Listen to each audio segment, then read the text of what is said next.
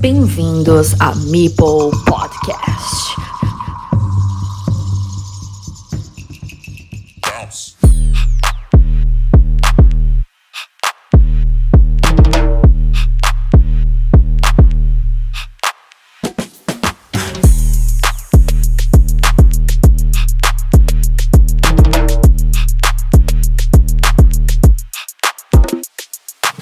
Bienvenidos a un nuevo resumen del Mundial por equipos de Carcassonne Online 2023. Nos adentramos en lo que ha sucedido en esta ronda y quedan dos para finalizar la primera parte de esta competición.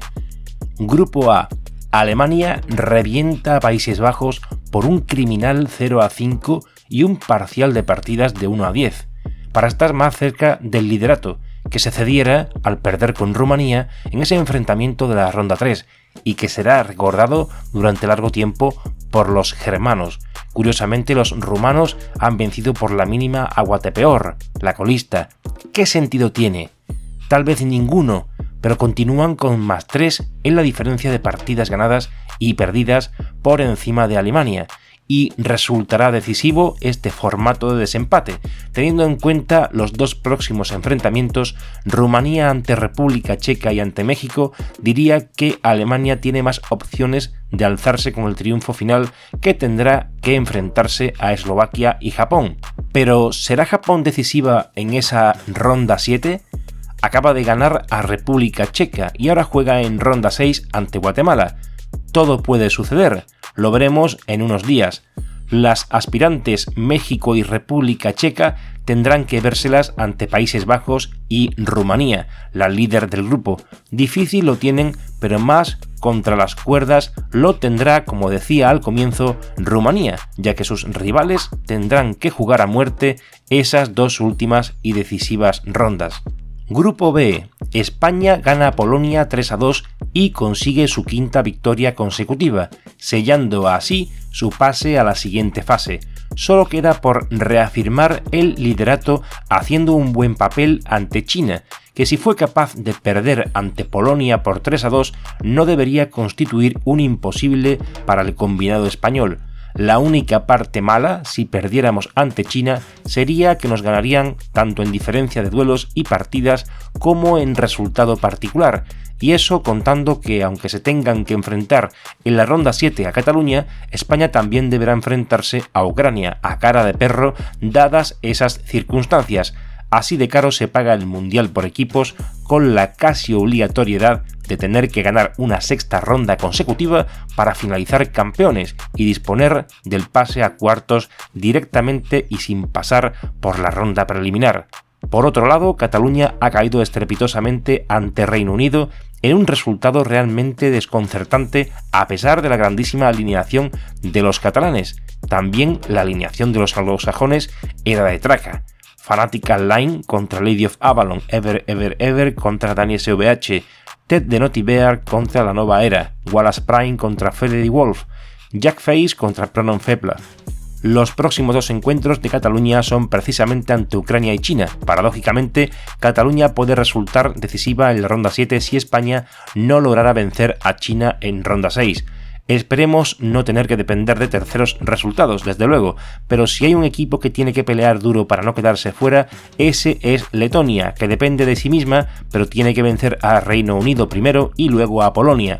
Y los británicos tienen su particular duelo a muerte ante letones y luego húngaros, para intentar la proeza de quedar terceros, algo que con cierta carambola también querrán emular los polacos y catalanes.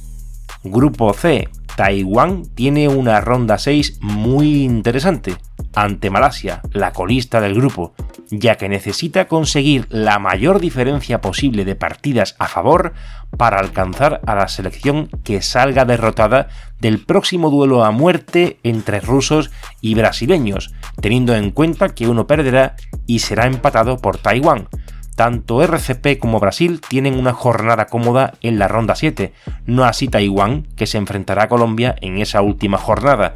Para los asiáticos, mejor que pierdan los brasileños y luego a verlas venir, ya sea por la diferencia de partidas o, en caso de persistir el empate, por el resultado particular, donde Taiwán salió ganando a Brasil por ese contundente 0 a 5 de la ronda 3. RCP tiene demasiada mejor diferencia de partidas inalcanzable para Taiwán, no obstante, rusos, brasileños y taiwaneses están llamados a pasar la fase de grupos por los puntos acumulados y enfrentamientos que restan. No parece que Italia o Colombia vayan a pelear ya por alcanzar a los tres primeros. Grupo D. En este grupo sucede lo mismo que en el grupo de España. Portugal lleva la voz cantante con 5 victorias en 5 encuentros, pero le persigue Argentina con 4 victorias y de la misma forma también tienen que enfrentarse ambas selecciones. Pero a diferencia de la España-China, las selecciones portuguesa y argentina se la jugarán en la última jornada. Antes, en la ronda 6, Portugal se verá las caras ante la selección griega, que tiene dos puntos y se encuentra en quinta posición.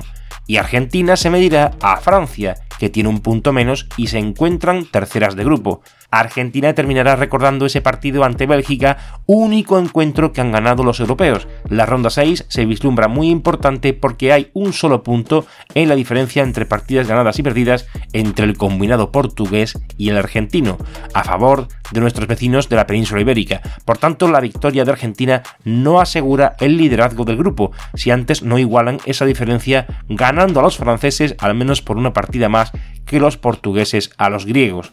De ganar, por contra, los franceses se oparían al segundo puesto y asegurarían prácticamente su pase a la ronda preliminar previa a cuartos, teniendo en cuenta que su último duelo es ante Grecia, precisamente uno de los rivales más flojos de este torneo.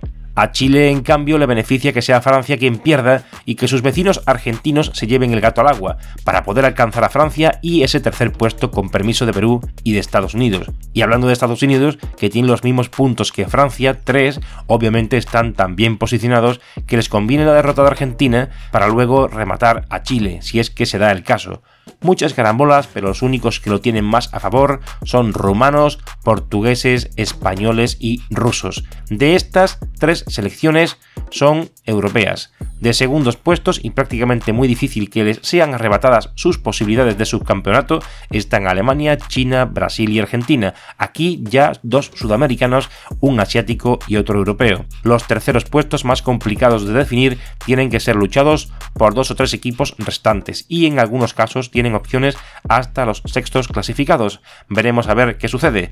Nos vemos en el próximo episodio.